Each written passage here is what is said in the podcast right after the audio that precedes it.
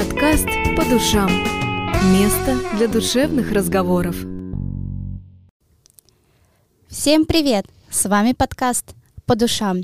И сегодня в нашей студии, как всегда, мы с Ниной. Нина Брянцева, наша ведущая, и я, Арина Дмитриева. А, всем привет! И сегодня у нас в студии Наталья Беляева, это детский психолог и руководитель психологического центра «Гармония». Мы поговорим о том, что такое детские травмы и как не навредить своему ребенку.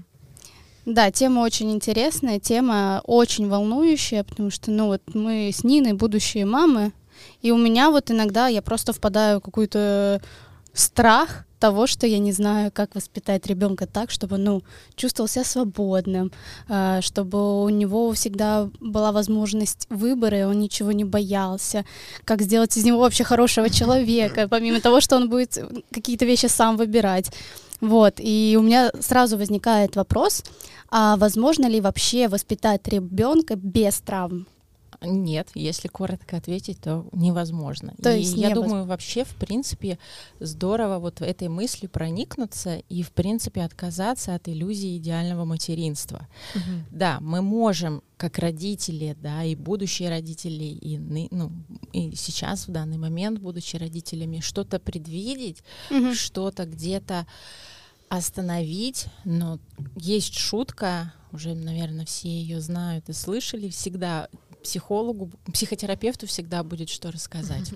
Когда вырастет ребенок, всегда есть что, что сказать, что было не так, что было слишком, что было не слишком и так далее. А почему так вообще? Почему нельзя сделать так, чтобы вот у ребенка не было травм? Ну, смотрите, если смотреть э, на механизм травмы, не просто так инстаграмно, очень грубо, а более глубоко, мы никогда не знаем, что действительно травмирует. У меня есть опыт работы с э, подростками, пережившими насилие, и я очень много работаю в моем центре с женщинами, потерявшими детей, и очень часто само событие не являлось травмой, оно являлось трагическим, грустным, ужасным, но в нервной системе оно не отпечаталось как травма.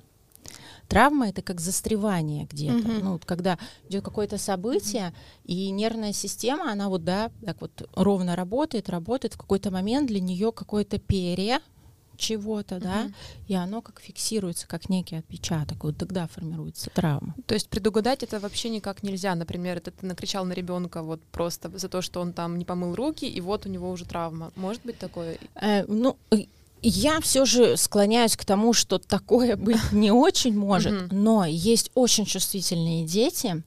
Э, И мне кажется, знаете, на самом деле последнее время родители так сильно напуганы э, воспитать ребенка. Без травмы, травмировать. Это прекрасный посыл, просто к тому, что в это вкладывают, это неимоверно сложно в принципе Мгм. сделать. И будучи так очень откровенно, крайне редко ребенка. Ну давайте возьмем ситуацию. Вот смотрите, приятные родители, просто они все вкладывают в своих детей. У них Мгм. чудесные отношения, чудесный контакт, совершенно классное доверие, уважение к друг другу. Но вдруг что-то произошло такое из рода вон выходящее, Мгм. приходит мама домой, там, например, с работы и накричала на ребенка. Вот Мгм. как вы думаете, сформируется травма, вот когда настолько теплично, настолько гармонично все, но, скорее всего, нет. Мгм. Особенно если мама скажет, слушай, ты знаешь, прости, я переборщила.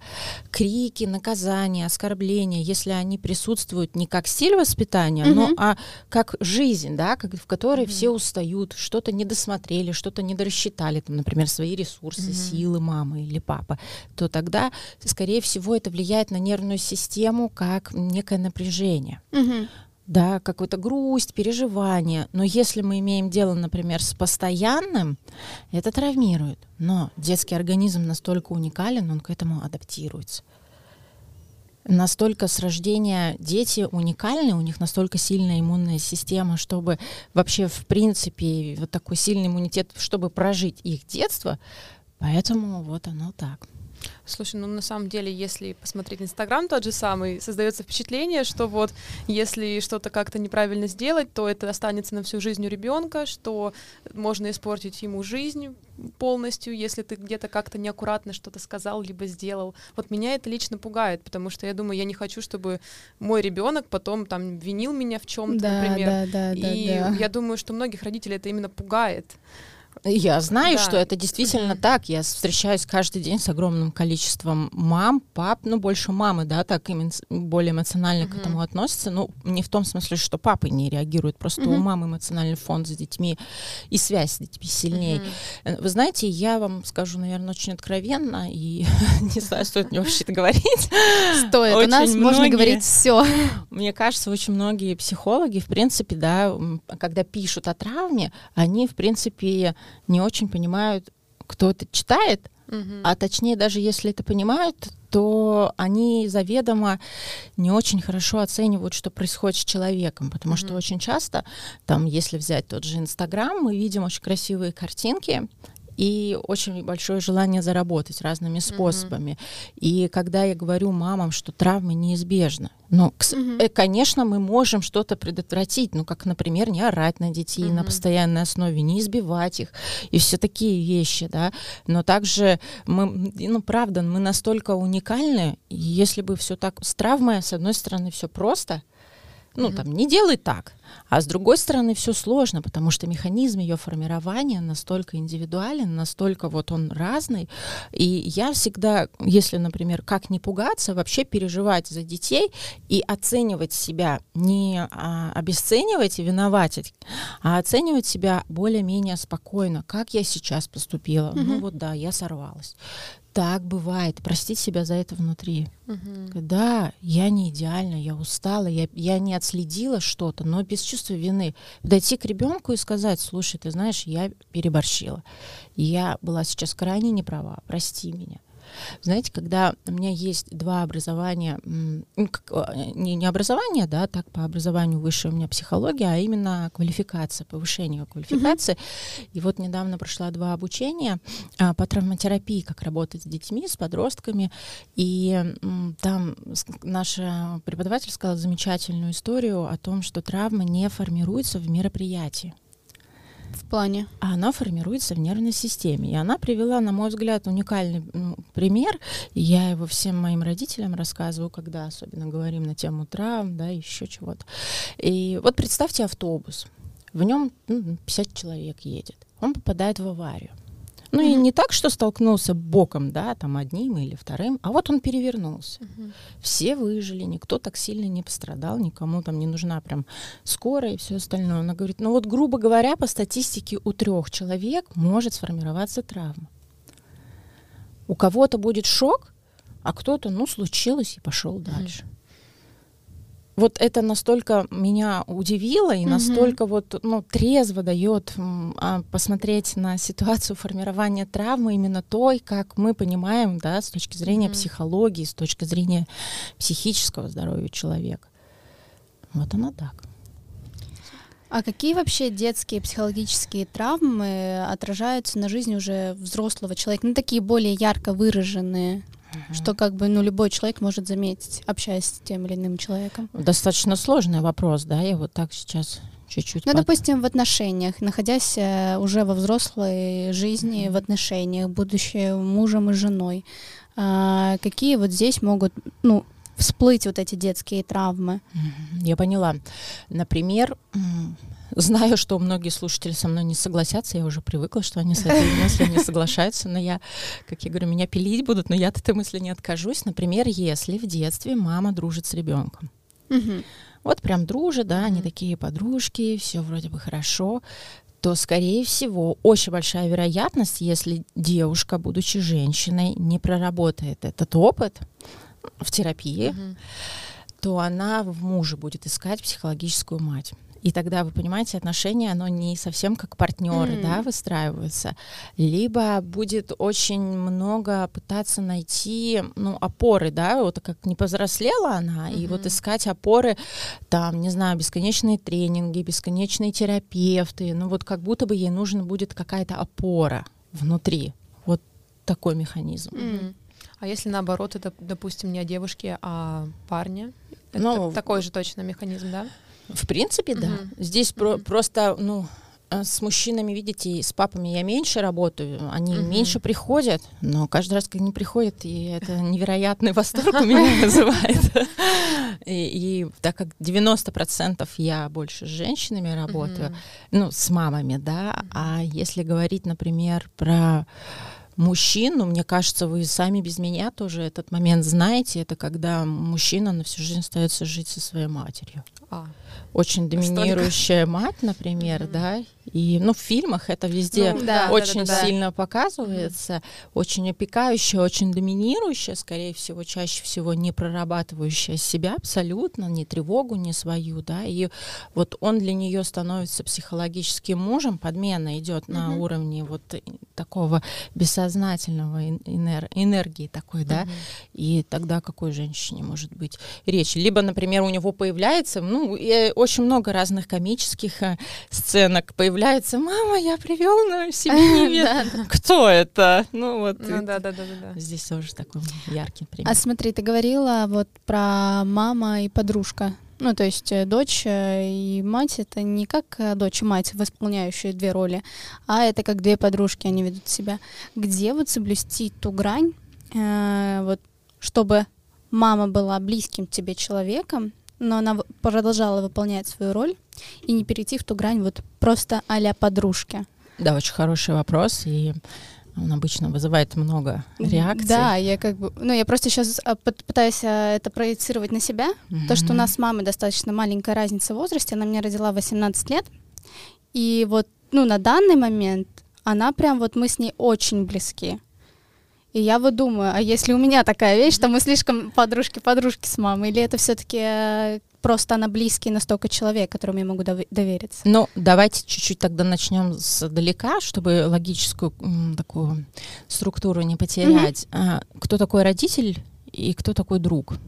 Друг — это наше искреннее такое пожелание в принятии нас таки- так- такими, какие мы Мгм. есть, да, там поддержка, но не гарантия «я всегда с тобой». Так. Это наше пожелание от дружбы. Ну, это, в принципе, очень логично, Да. но при этом друг не дает этой гарантии вот так, что всегда, на всю жизнь. Это было бы Несмотря классно. ни на ну, что, да, да. ну, он не обязан, да, в этом смысле. А вот родитель, который любит, безусловно, но только сколько может, нужно вообще ребенку, потому что очень часто мы имеем дело с гиперопекой, Мгм. и дети тоже очень тогда зажаты и очень где-то травмированы, да. И когда мы говорим про авторитетного родителя, очень любящего своего ребенка, но при этом держащего границы.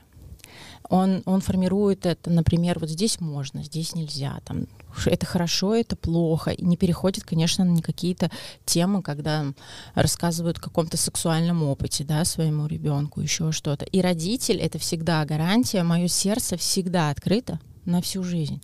Что бы ни происходило, я тебя всегда люблю, я тебя любым приму, без какого-то бы, какого-то условия, без какой-то там договоренности. Давай ты будешь так, а я вот так. Не, в родительстве с ребенком не может быть иерархии. Ой, наоборот, есть иерархия, не может быть равенства. М. На личностном уровне, наоборот, равенство, вот, например, ну вот мы три, да, вот независимые личности, но у каждого из нас своя роль сейчас. Если мы эти роли перемешаем, у нас не получится того материала, который всем необходим. Вот. А когда вот эти границы смыты, нет иерархии «я большая, а ты маленький». Это не в смысле «я лучше знаю тебя и унижаю тебя», Мгм. а в смысле «я, ну вот, как работодатель и работник». Мгм. Хороший работодатель это какой? Ну, как по, по мне, это очень уважающий, да, пытающийся сделать максимально комфортно для своих сотрудников обстановку. Ну, мы не говорим там про зарплаты, все эти, да, вещи, больше про психологический фон Мгм. сейчас говорим. Хотя зарплата тоже туда очень даже относится. И при этом он где-то говоря, ну, говорящий, так не надо. Здесь вот сдайте в это время, да. Мгм. А представьте, теперь он такой работодатель-друг. Мгм. Ну да, там тогда работа будет совсем Да. не очень. Совсем не очень, Да. будет очень расслаблен его работник. А теперь перенесите это расслабление на ребенка, которому нужны ориентиры, чтобы выжить в очень странном, очень непонятном, иногда очень опасном мире. Когда эта позиция на равных, повторяю, не на личностном уровне, а мы про иерархию равенства mm-hmm. говорим, то у ребенка пропадает опора. Mm-hmm. Он остается один. И когда он остается один, он чаще всего, ну вот, знаете, так выживает не в прямом смысле, да, что очень там неблагополучная семья, хотя такие тоже семьи присутствуют, мы сейчас в другом контексте говорим, а он, например, начинает очень быстро психологически взрослеть. А это плохо? Ну, конечно, да. Психика, вот представьте, просто вот, ну вот физически, физиологически человека, например, женщину в 30 лет и девочку в 5. И вот, вот 30-летний опыт просто засунуть в пятилетнюю. Вот видите, вы сразу зажмурились. Ну, да. Это как будто перья, да? И вот ну, это когда у ребенка перья, то тогда mm-hmm. он, например, начинает болеть, он травмируется об это, да, и вот разные с ним могут происходить mm-hmm. вещи. Это, кстати, очень интересная позиция, и мне на самом деле открыла на какие-то вещи глаза. Но у меня, знаешь, какой вопрос? Все мы хотим, чтобы наши будущие дети, когда они вот вырастут, они чувствовали себя свободными чтобы они спокойно могли принимать решения, кем им быть, где им быть, что им делать, что им есть элементарно, какую вещь им купить, ну, то есть такие даже бытовые вещи. Как воспитать ребенка таким образом, чтобы он чувствовал себя, ну, свободным человеком. Просто я вот думаю о том, что вот у меня маленький брат. Он хочет и то, и это, и пятое, и десятое. И вроде, ну, как бы, ему говоришь, нет, это нельзя, это, да, можно, но вот в тот момент, когда он говорит, что он это хочет, мы же, по сути, ну, а для нас это кажется, что вроде это не очень хорошо какие-то вещи, да, либо это перебор каких-то вещей, и мы говорим, что нет, вот этот момент нельзя. А, получается ли в тот момент, когда мы что-то запрещаем своему ребенку, мы а, как бы закладываем в него в том, что он как бы не уверен в своих э, решениях, например. Ну, как-то, как вот в этой ситуации поступать? Стоит ли вообще запрещать ребенку что-то или не стоит? Конечно, стоит. А, смотрите, когда есть границы, а, соответствующие возрасту, угу. запреты, это дает ребенку невероятное чувство безопасности. Как, например, мы с вами договорились о дне, о времени, и каждая из нас подстроила свой план. Угу. А если бы вы мне сказали, ну, приходите вот в этот день, ну, как вам удобно, или в течение недели, мы вас ждем. Когда ее ждать? Ну, вот, вроде бы же хотели как лучше, а я, когда приду, тогда приду. Когда захочу, тогда да, приду. Да, границы обязательно должны быть, они необходимы для гармоничного развития ребенка. Запреты угу. должны быть, ну, вот по возрасту, но их не должно быть слишком много.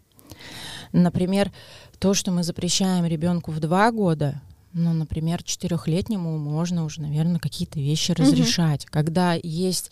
Я последнее время наблюдаю тенденцию, очень много свободы детям дают. Даже знаю, откуда это несколько лет назад к нам пришло такое дуновение. И я вам честно скажу, психологом я работаю официально 15 год. Mm-hmm. Я, я последнее время таких перевозбужденных, не в смысле, да, там, настроения, mm-hmm. а в смысле перегруженных с точки зрения их нервной системы детей не встречала с таким количеством страхов, каких-то панических состояний. Я никогда так много Ого. в таком количестве не работала, и это говорит о том, что что-то мы, как взрослые, точно делаем не так. Родители в последнее время невероятно сильно стараются для своих детей — очень сильно пытаются сделать все вот идеально и очень mm-hmm. правильно, тратят колоссальное количество энергии, ребенок это не оценит.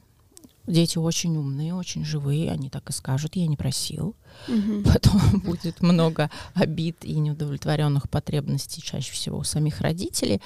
А как же найти вот этот баланс, да? Угу. Я максимально уверена, чтобы воспитать вот такую гармоничную личность, про которую вы сказали ранее, там точно должны быть где-то запреты, они дают чувство безопасности.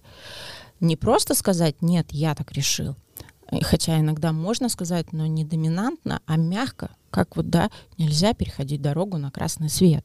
Вот эта энергия, да, угу. что вот я мама или папа, я о тебе забочусь, люблю тебя и где-то тебе скажу нет. И помочь с этим ребенку справиться, потому что весь мир, он состоит, в принципе, из границ. Наш стул, на котором мы сидим, да, а, а студия, где мы сейчас записываем э, наш с вами, да, интервью, точно так же можно, как вариант, посмотреть, что происходило с огромным количеством людей, когда мы столкнулись с пандемией, угу. где ограничений для нашей нервной системы стало слишком много.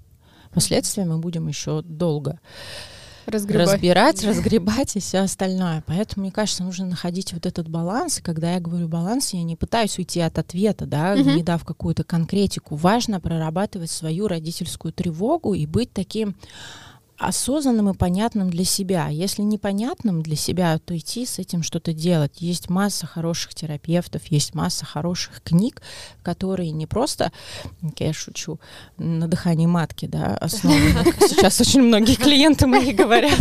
Я ничего против этого не имею, просто мне кажется важно, чтобы каждый делал что-то свое, а не все в кучу, как в компот в какой-то. И тогда, когда родитель, вы знаете, я всегда очень сильно пропагандирую, меня первая книга об этом в семнадцатом году вышла. Об осознанном родительстве много говорю и пишу, угу. что я имею в виду под осознанностью. Это выход из автоматически каких-то навязанных, шаблонных ситуаций. Это выход, когда родитель слышит себя, как мне, как маме, как мне, как папе, окей. Потому что дети, они в хорошем смысле подстраиваются, и тогда идут за родителем. Но там должны быть обязательно границы.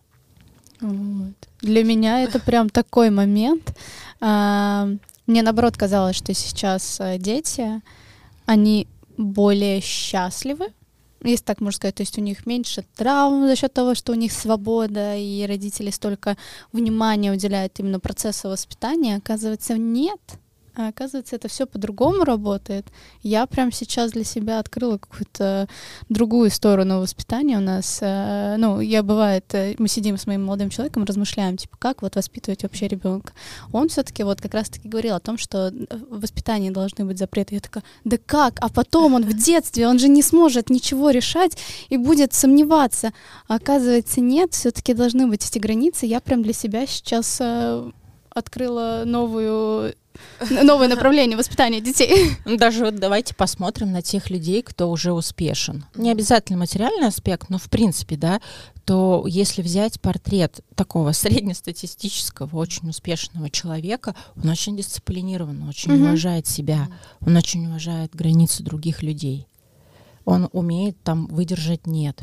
Ну, без истерики, mm-hmm. да. Он очень такой адаптивный и он испытывает сложности, но не впадает в панику и помогает себе mm-hmm. с этим справиться. Mm-hmm. Потому что когда есть еще такой момент в воспитании, мы можем ничего в принципе не создавать искусственно и не воспитывать, мы можем просто жить по каким-то правилам, и для ребенка это становится очень понятно.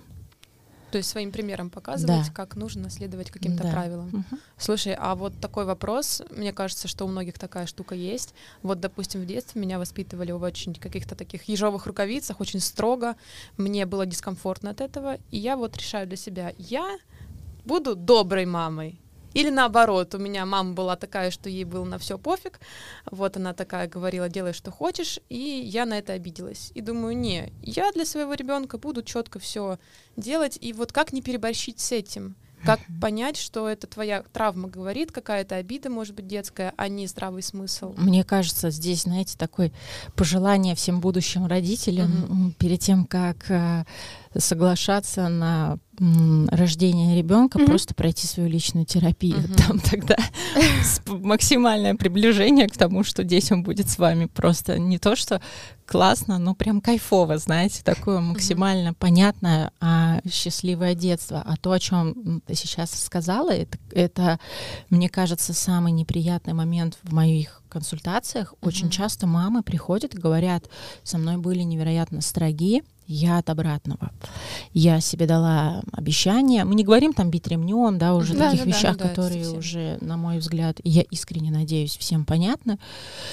Прям вздохнула, потому что тема такая, не все еще родители знают, что бить это не окей и не стоит этого делать. И многие говорят, я вот, э, меня воспитывали, да, вот как ты говоришь, в ежовых рукавицах, я наоборот. И у меня есть такая услуга в центре, консультативно-диагностическая встреча, где я смотрю эмоциональное состояние ребенка, потом даю рекомендации родителям, как они могут дома изменить ситуацию.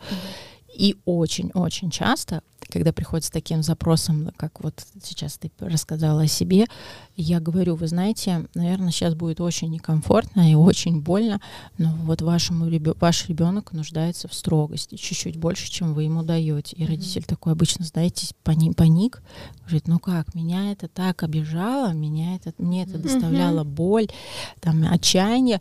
И я говорю, что а ребенок ваш без границ, он перегружается.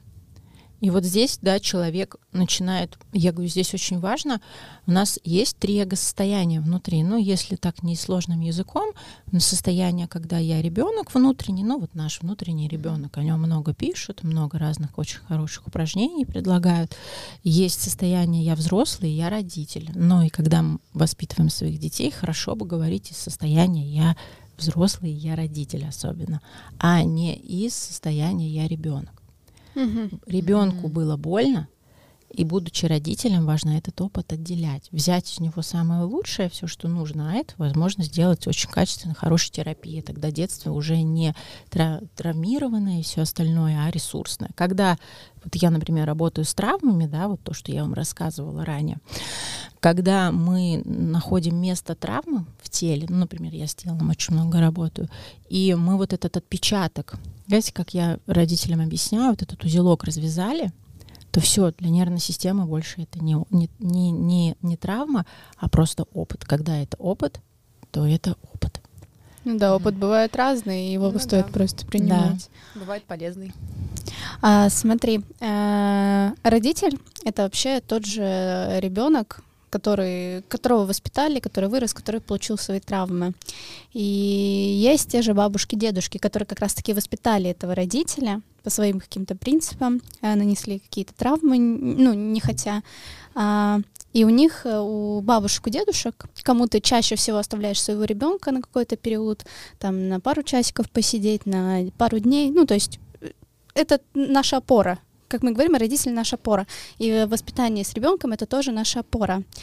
А, но вот у дедушек и бабушек у них свое, а, свой взгляд на воспитание своих внуков.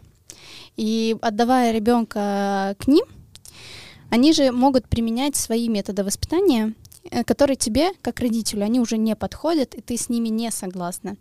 Вот как сделать так, чтобы ограничить, ну, то есть показать свои границы как родителя, ограничить ребенка от их воспитания, как вот, ну, от того, что тебе не нравится, и не обидев родителей, но отста- отстояв свои границы. Ну и стоит ли вообще это делать? Потому что, может быть, это нам кажется, что мы хотим, значит, одну какую-то позицию нести, а может быть, так не надо делать. Вот, кстати, тоже Да. да. хорошая позиция. Ну, вообще хорошие вопросы, очень болезненные для многих родителей. Да. А, Очень прям так в боль копнули.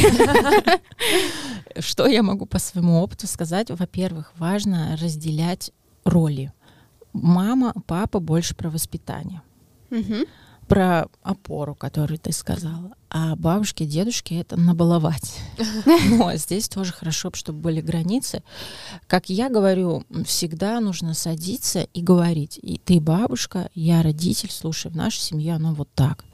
Как ты думаешь, у тебя будет получаться, пока я оставляю себе, тебе твоих, ну, там, внуков или внука с внучкой, как ты сможешь так или нет? И вот если бабушка такая слышащая, то вообще проблем не будет. Ну, я вам серьезно ск- скажу больше, даже если бабушка слышащая, чаще всего вопросов нет в, ну, в этом Мгм. моменте, Ну да, она как-то, ну, не встревает, и очень так все понятно, и дети не перегружаются. Но я в своей, в своей практике часто встречаюсь с тем, что рассказывают, вот бабушка, не можем договориться, ребенка не узнать, он невменяемый приходит после бабушки, там день вот побыл, и я не могу его вернуть обратно как-то в понимание, что происходит дома. Ну, первая рекомендация, самая логичная, на мой взгляд, идти разговаривать, и очень часто говорят, не услышат. Я говорю, ну, хорошо, что вы хоть это поняли. Не тратим силы тогда на то, чтобы нас услышали, тратим силы на себя как родителя и на помощь ребенку. Я э, обучаю родителей такой м, вещи, как, например, пока ребенок у бабушки, живем по бабушкиным правилам.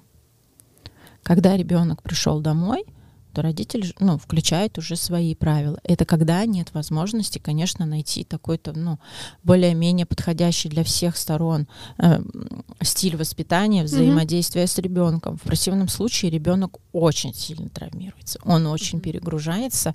Но это вот представьте, если бы мы сейчас вот, я вам сказала, я сейчас с вами сделаю там, упражнение с кем-нибудь из вас и говорила вам, встаньте, сядьте, встаньте, сядьте, скажите, не говорите, скажите, в какой-то момент вы бы почувствовали, что вы начинаете раздражаться. Угу. Нервная система начала бы, так знаете, очень сильно вибрировать.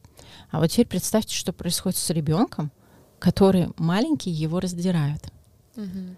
Ну, например, у бабушки это можно. Еще есть бабушки, например, разведенных родителей, угу. которые говорят, ты знаешь, а твоя мама она ушла от папы, у нее больше никогда не будет хороших отношений, и ты вообще слушайся хорошо, иначе у тебя такая же судьба будет. Ну, такую ересь прям говорят детям, что вообще никогда нельзя говорить. В принципе, ну, к сожалению, это есть, и тогда дети очень перегружены. Угу. Но прям невероятно. А бабушка — это бабушка, мама — это мама. Это совершенно разные вещи, которые хорошо бы не не смешивать. Смешивать. Есть какая-то такая шутка. Бабушки должны добаловать то, что не дали э, не дали своему, своему ребенку, должны додать внуку. Но у них совершенно другие должны быть взаимоотношения. Хм, это интересно. Ну да. Я прям вообще с другой стороны. А смотри, вот даже про бабушек, про дедушек, если не помогает о том, что ну, не пога- поговорили, да, не работает Окей, ты говорили, что у бабушки свои правила, но когда дома приходим, у нас свои правила. Но тоже там выходит из ряда вон, уже начинается настраивание против родителей. Ну, вот, допустим, про разведенок, да, о котором мы говорим. И в этом случае стоит ли ограничить вообще общение бабушки, дедушки с ребенком? Ну вот сейчас меня вообще все бабушки и дедушки не возненавидят. Но я всегда за детей, я никого из взрослых не выбираю, они разберутся сами.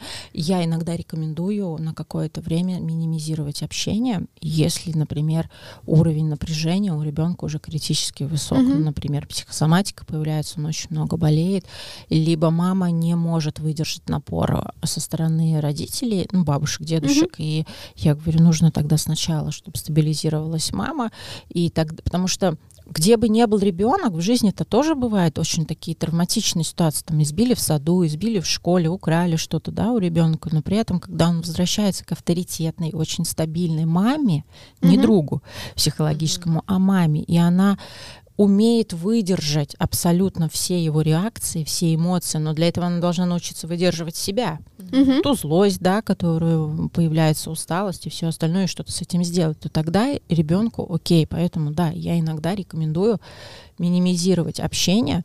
Иногда бывает, знаете, пришли, привели ребенка на диагностику, потом ребенок, например, остается в центре на занятия, и вот просто с одного, с двух занятий сразу видно, что минимизировали общение. Ну вот просто это сразу видно по ребенку, по его мироощущению себя. Слушай, а есть какие-то возрастные границы, в каком возрасте ребенок наиболее подвержен этому всему? Ну, конечно, ну, чем он меньше, uh-huh. тем он больше подвержен, uh-huh. потому что критическое мышление практически отсутствует. Uh-huh. Uh-huh.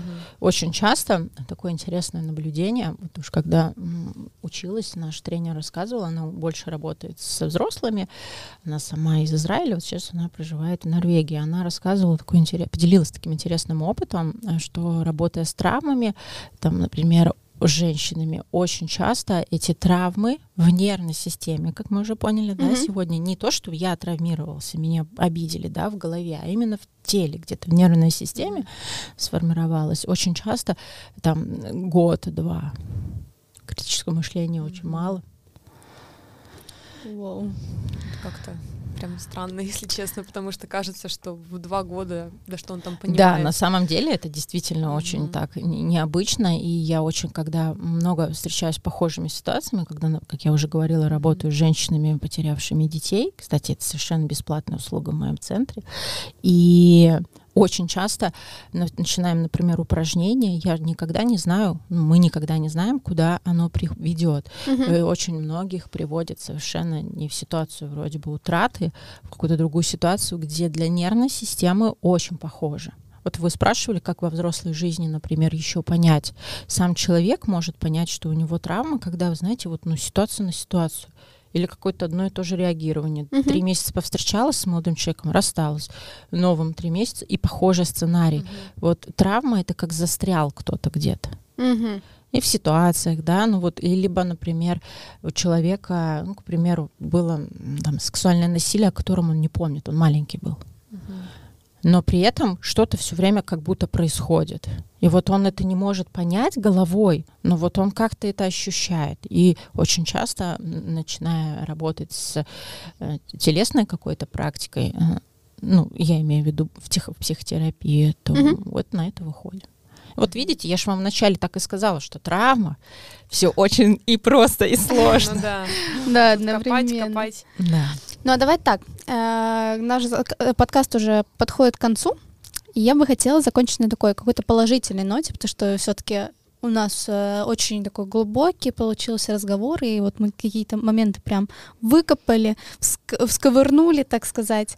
А, вот дай совет родителям, как сделать так, чтобы родитель ощущал себя в роли родителя комфортно, вот так вот. Ой, это мой любимый вопрос. Я много об этом пишу, много об этом говорю. Первое, это, конечно, отказаться вообще от роли идеальной. Не помню а психолога, который вел понятие «достаточно хорошая мама». Делать по своим силам. Устала отдохнуть. Второе, да, это очень сильно уважительно относиться к своему телу и к своим а, чувствам. Если устал, не нужно читать сказку. А сказать «я тебя очень люблю», обнять, поцеловать самое ценное свое сокровище, сказать «извини, но сегодня нет». Вот моему сыну младшему, ему почти три года. Вот когда Мгм. я устаю, я ему так говорю. Конечно, он грустит, но он ложится спать без какой-то претензии. Он научился уже с этим справляться. Мгм. Хуже, когда мама начинает уставшая читать. Ну и как вы думаете, каким голосом она читает будет? Ну, приблизительно так. Да, шел он туда, пошел туда. Что ты не, не, что ты не слушаешься? Что Да, ты ее? да, Дети да. очень живые, они начинают себя хуже вести, мама еще больше начинает срываться. Я все время говорю, важно развивать свою осознанность, о которой я сказала. И я всегда, у меня даже был проект под названием «Счастливая мама, счастливый ребенок и крепкая семья». И когда я говорю счастье, это не какое-то иллюзорное, недостиг, не- недоступное для нас состояние, это привычка, когда вот уже мир рушится, все ужасно, становится невероятно непонятным, просто выбирать счастье. Я выбираю себя, выбираю заботу о себе, и эта забота инвес- инвестиция в счастливое материнство, в счастливое родительство. Вот такой конец мне нравится. Да. Добрый, положительный, душевный. Ну и как-то понятно, что делать. Нужно просто обратить внимание на себя. Да. С первого- Мне показался этот подкаст очень душевным, как я и говорила ранее. А, Для меня лично он оказался очень полезным, и на многие вещи я открыла глаза, и сейчас я уже... Вот после подкаста я как бы выдохнула такая, так, оказывается, это все нормально. Не надо так сильно париться по поводу воспитания детей. Ну, типа, все, все нормально. Да, все правильно, вы поняли? То есть подкаст не только для тех, у кого уже есть дети, а для тех, кто, может быть, только думает об этом. Спасибо, Наташа, что пришла к нам. И мы надеемся, что мы тебя еще увидим на нашем подкасте. У нас столько тем появилось. вот Да, да, да, да, мы да. обсуждали, да. Спасибо. Спасибо всем нашим слушателям. Э, Слушайте наши подкасты на всех удобных для вас площадках. Ну а с вами, как всегда, Нина Брянцева Арина Дмитриева. и наша гостья Наталья Беляева. Всем спасибо. Пока. Всем пока. Подкаст «По душам». Место для душевных разговоров.